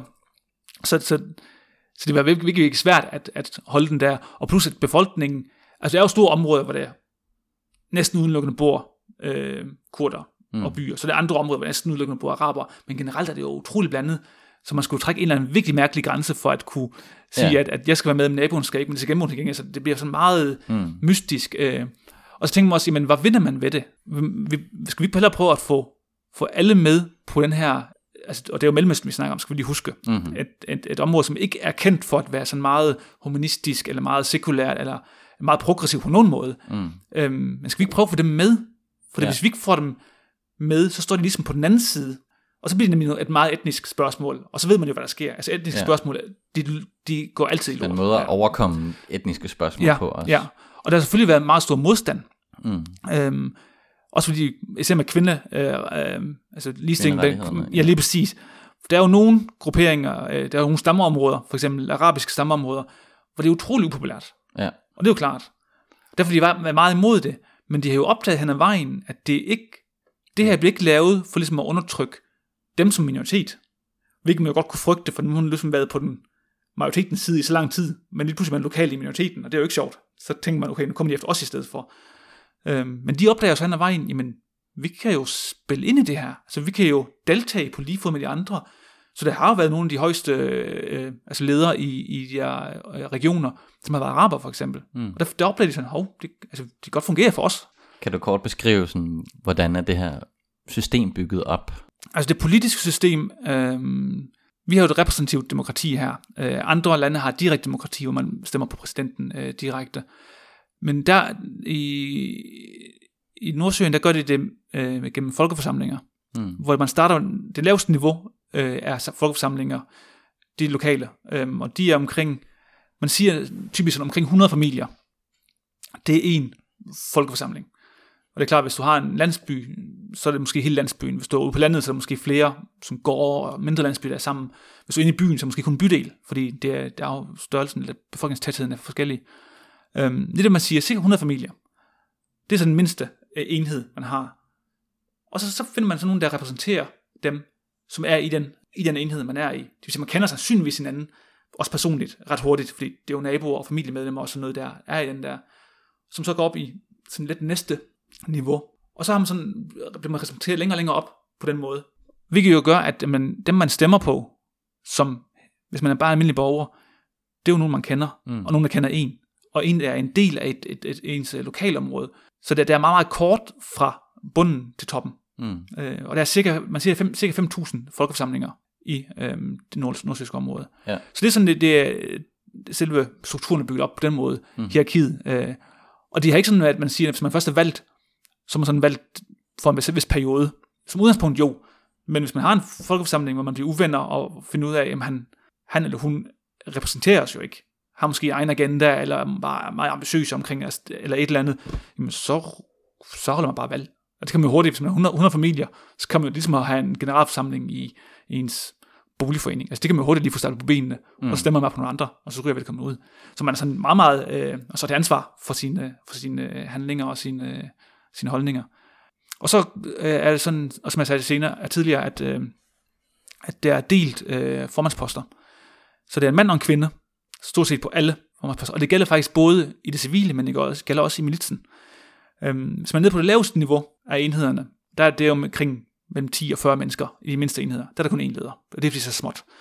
Men udover det, så er det øh, dobbelt hele vejen. Øhm, men mindre man kommer helt op, jeg tror, øh, det er ikke sikker på den øverste leder, som var ansvarlig for øh, øh, Raqqa-operationen, som jo knækkede IS. Det var en kvinde, mm. øhm, ironisk nok, for IS. øhm, ja, så det er, men også i det civile, der har de så også delt lederskaber, mænd og kvinder. Plus at de har, øh, øh, i alle deres kommissioner, der er der øh, kønskvotering. Så man skal have minimum 40, 40% af hvert køn. Hmm. Og 40% kvinder, det giver mening, fordi de er bare traditionelt blevet holdt udenfor. Ja. Så for at få den nok ind der, men også 40% mænd. Mm. Fordi nogle spørgsmål og nogle områder af politik, for eksempel hvis det er familieanlæggende, er traditionelt, det, det er kvindens opgave. Så nej, nej, altså det, I skal også have ansvar, og så Ja. derfor skal det være 40% mænd. Og det er det, jeg har snakket om i starten også, at jamen, de har nogle, vi har også idéer om ligestilling i Danmark, men vores idéer, er sådan, det bliver meget snakket om dem, og så prøver man sådan at digte nogle små ting, som man tænker, jamen, det her må hjælpe, og nej, men de skal bare gå i gang, og, og det der, så, der sker ikke noget. Øhm, og den er simpelthen, jamen, vi har et værktøj, nu prøver vi det.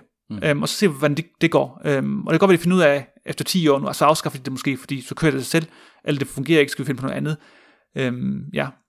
Og så er det med det etniske, at det er, øh, for eksempel hvis du har en guvernør fra en, øh, fra en region, der fra en kanton, som er kurder, jamen så har du to vise guvernører. Det er en araber og en assyrer. Så du har tre store øh, repræsenteret, mm. minimum de tre store ja. repræsenteret. Øhm, og så en af vise skal være en kvinde, uanset om formanden eller guvernøren er en kvinde eller en mand. Det fører, det fører mig meget godt videre til, til næste spørgsmål her, at thousand dollar question. øh, hvad kan vi lære af det? Venstrefløjen, eller hvem det nu er, der ønsker at, at forandre noget herhjemme? Ja, jeg synes, vi kan lære mange ting. Øhm, For det første kan vi lære, at vi er nødt til at gøre noget. Snak har meget, meget, meget sjældent været den direkte katalysator til store øh, forandringer. Så, så ja, vi skal snakke om tingene. Vi skal have nogle kloge hoveder sat sammen, og vi skal diskutere tingene. Men på et tidspunkt skal vi også videre. Og så er der nogen, der siger, ja, men den der model er ikke perfekt. Nej, det er rigtigt. Men hvis vi ikke gør noget, så sker der absolut ingenting. Og det er jo tit, det er jo deres, øh, den der talemåde om, at det, en, en god i, øh, idés værste fjende, det er ideen om den perfekte idé eller plan. Mm. Og det tror jeg, det vi lever efter. Øh, og det gælder på alle områder. At vi er altid lidt i venteposition. Så, ah, men det kan jo være, at vi finder på noget bedre. Så, ja, men skal vi ikke prøve noget andet i mellemtiden så? Også det der med at forsøge, med at eksperimentere. Østland siger selv, at I skal ikke, I skal ikke følge min, min ideologi dogmatisk. Han sidder i fængsel, altså har gjort det i næsten 40 år. Altså, I skal, I skal blive inspireret af det, og så skal I bruge det, som I kan bruge, og så må I lade det udvikle. Det skal være organisk. Det er også blandt andet derfor, han er imod nationalstatsgrænserne, for de er ikke dynamiske. De er jo fastsat af nogen på et tidspunkt, og så kan de bare ikke rykkes, medmindre vi starter en krig og flytter den. Bortset fra den dansk-tyske grænse, skal så lige siges. Men udover det, så er det jo sådan, at nationalstatsgrænsen bliver lavet. Det er en af de få grænser i verden, der I- faktisk i verden, er lige- demokratisk Lige fastsat. præcis, lige præcis. Um, og nu kommer jeg selv fra området, og gået mm. i tysk skole og tysk gymnasium dernede. Så jeg har jo set, hvor godt det, det, det, det fungerer dernede. Mm. Samarbejdet på tværs af grænserne. Um, det fungerer fantastisk. Mm. Ikke perfekt, nej, men det fungerer rigtig godt. Ja, så derfor er det, det er et meget øh, fleksibelt og meget, øh, meget eksperimenterende projekt. Og det kan vi også lære noget af. Altså, vi, er, vi har før i tiden været meget langt fremme på rigtig mange områder. Er det stadig på en del områder i Danmark? Øh, hele vores velfærdssystem bliver udviklet. Men så er det som om vi ligesom er gået stå og hvilet på lavbæren, og siger, jamen, nu er vi sådan noget målet. Så, nej, det er ikke noget, vi er kommet rigtig godt sted hen, men det er, altså, vi kan sagtens komme videre, vi kan sagtens den nå videre ud i det, og det synes jeg er, er, er vigtigt at, øh, at, at øh, huske, og vigtigt at lære det her.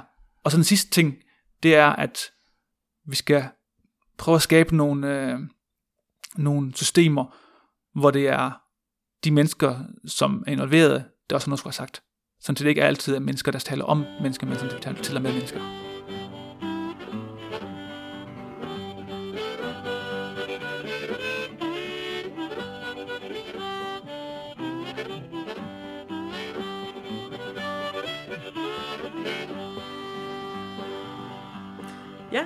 Øh, så nåede vi jo til vejs ende. Øhm, sidste gang så vedtog vi, at øh, vi kommer med, med, med månedens anbefalinger. Jeg tror i virkeligheden bare, at altså, som offentlig ansat og, og som, som fagligt menneske, så vil jeg egentlig bare opfordre, øh, opfordre jer til, at øh, I øh, tager fat i jeres fagforening, finder ud af, hvad, hvad sker der rundt omkring, fordi vi, altså, vi er i gang med en faglig kamp herom, øh, og, og det skal vi altså, det skal vi til at løfte, så der kommer til at være demonstrationer rundt omkring, det lover jeg, det kommer der til at være. Man skal bare lige finde ud af, hvor de er henne. Er du offentlig ansat? Så snak med din TR. Hvis du ikke er offentligt ansat, så kan du følge øh, for eksempel Velfærd for Danmark. De arrangerer nogle gange øh, nogle demonstrationer. Det var dem, der demonstrerede foran KL, både dagen inden KL's topmøde, og også på KL's topmøde oppe i Aalborg. Øhm, holde øje med, hvad det er, der sker rundt omkring, fordi altså, vi skal sgu, øh, venstrefløjen skal på, øh, på barrikaderne og være med til at øh, støtte op omkring det her.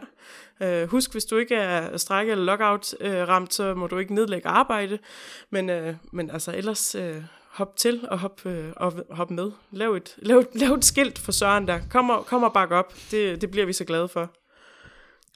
Det må være øh, månedens opfordring. Øhm, og når vi sender næste gang, så er det jo øh, faktisk lige når den her lockout er trådt i kraft, så øh, det bliver spændende at se. Hvis de ikke har lavet en aftale endnu. Vi kan, jo, altså, vi kan stadigvæk håbe. Ja, muligheden er der stadigvæk, ja. Det, det er selvfølgelig ikke Men ellers så vinder vi den fucking lockout, den fucking strejk, den fucking konflikt. Vi skal tro på det i hvert fald. Ja. Men tak for den her gang, og øh, vi ses om en måneds tid. Ja, vi ses. Ja, vi ses. Vi ses.